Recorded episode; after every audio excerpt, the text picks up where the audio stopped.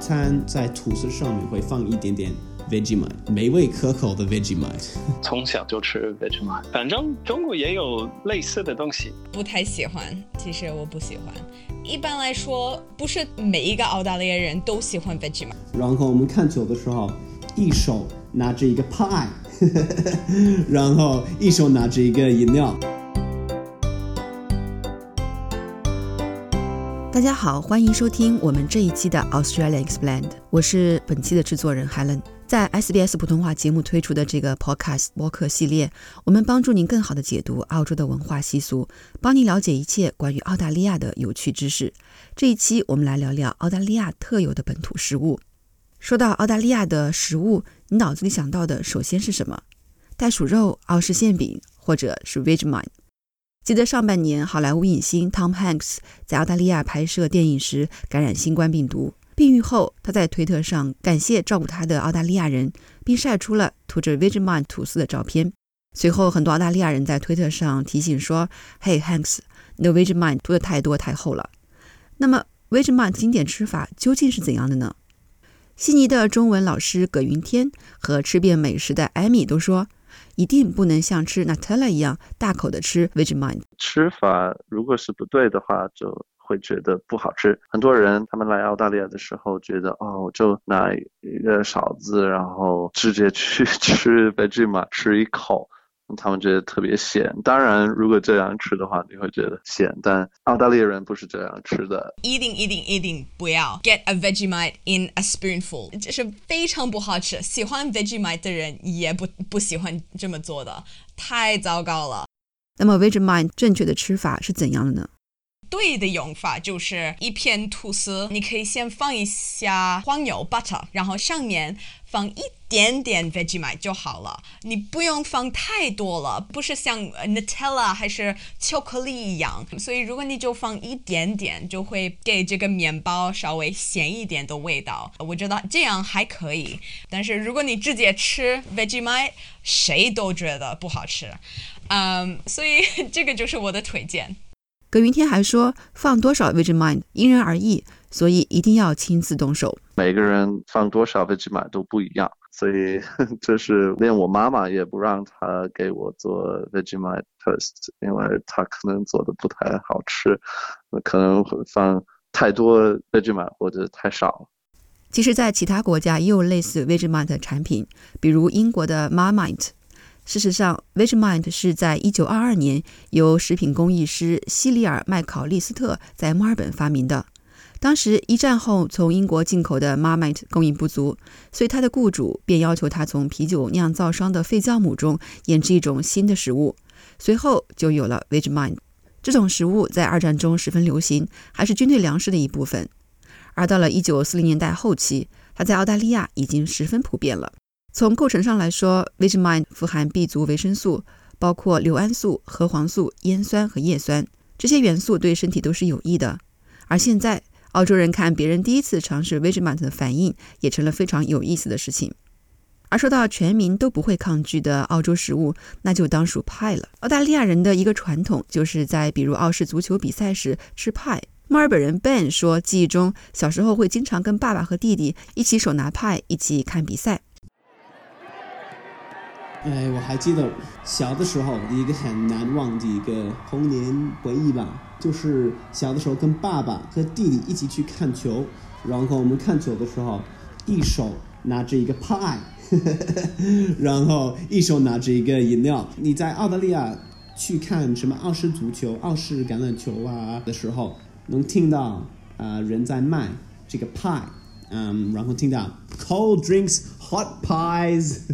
哦，最好吃的口味一定是牛肉的，里面就是很多很多的肉，很多汁的肉，然后外面 is it's like pastry，不知道中文怎么说 pastry，是 very crispy。如果吃的对，你应该在上面放一点啊番茄酱，这是很重要很重要的，你必须要配一点番茄酱，嗯，好好吃。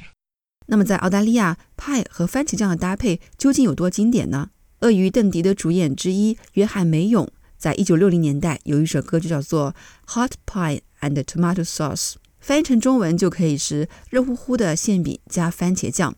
据澳新食品标准局的数字，澳大利亚人每年要吃掉大约两点七亿个馅饼，而每个澳大利亚人每年平均大约十二个。澳大利亚烘焙协会每年都会组织一年一度的澳大利亚最佳馅饼比赛。今年的最佳馅饼落在维州小镇的一家小店，叫做 Country Cob Bakery。这家店的主人呢是来自柬埔寨的移民，他们家的胡椒牛肉馅饼被评为全澳最佳，因为在当中加入了柬埔寨特有的贡布胡椒。在澳大利亚全国各地的任何小镇，或者在大都会的任何郊区，前往当地的咖啡馆或者面包店，点一个馅饼，尝尝澳大利亚的真正风味。那么还有一种澳式风味就是 Lamington。方方的蛋糕，外层有巧克力、椰子片，也是很多澳大利亚人爱吃的美食，比如 Ben。然后我小的时候去看看我爷爷奶奶，他们家里经常会给我吃 Lamingtons。Lamingtons 呢，它是一个 sponge 蛋糕，还有一点点奶油，还有草莓酱，然后外面有一点点巧克力，外面还有一些椰子，也很好吃。而葛云天的故事听起来就有点感人了。他说，自小家里经济状况并不是特别好，但是每当学校举办慈善义卖活动时，他的父母总会买很多 l a m i n t 来支持活动。我对 Lamington 最深的印象就是，我记得我小的时候，我的学校经常会有捐款的活动，他们就是会卖 Lamington，一盒里面有十二个 Lamington，家长们可以在一个表上面订他们想买多少盒的 Lamington，所以我记得我妈妈特别想支持这种活动，所以她会订很多 Lamington，可能是一个星期五下午 Lamington 会来到学校，然后我们要。去办公室去，然后我每次看到我妈妈订了多少 Lamington 的时候，我就很惊讶，就哇，很大的一堆 Lamington 啊！我们整个周末然后吃 Lamington。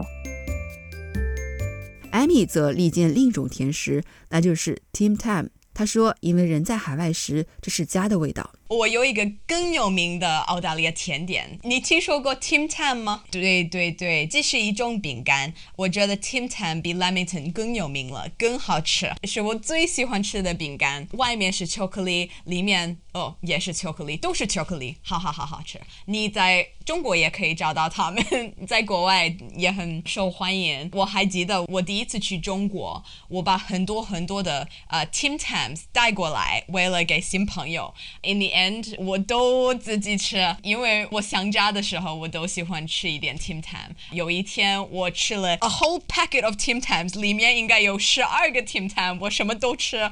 哎呦，啊，就是我吃 Tim Tam，我就感觉我在澳大利亚就让我想家。澳大利亚是一个多元社会，美食也同样多元。那么在澳洲人眼里，他们最喜欢的亚洲美食是哪一道呢？Ben、葛云天、Amy 都分享了自己的最爱。我们是一个移民国家，嗯，所以我们有来自全世界各国各地的美食，然后选择也非常非常的多啊，水平都相当高。但是我最喜欢的中国菜啊是上海小笼包。过了一段时间不吃小笼包，我有点有点难过，有点日子不好过。所以应该是上海的小笼包是我最喜欢的亚洲美食。比较喜欢吃。面条特别喜欢吃北京烤鸭，对我来说，可能北方的菜比南方的菜好吃，而且南方的菜我觉得有好多奇怪的东西，比如苦瓜。我去中国之前，我从来没吃过，然后我到现在还是不喜欢吃。哦，对我来说，最好吃的亚洲美食就是中国菜。我在悉尼吃到很多很正宗的中国菜，比如说兰州牛肉面、肉夹馍、呃锅包肉、螺蛳粉、广东的饮茶，什么都有。我们听说过这个螺蛳粉是 most smelly noodle 最臭的面，所以我们觉得哦。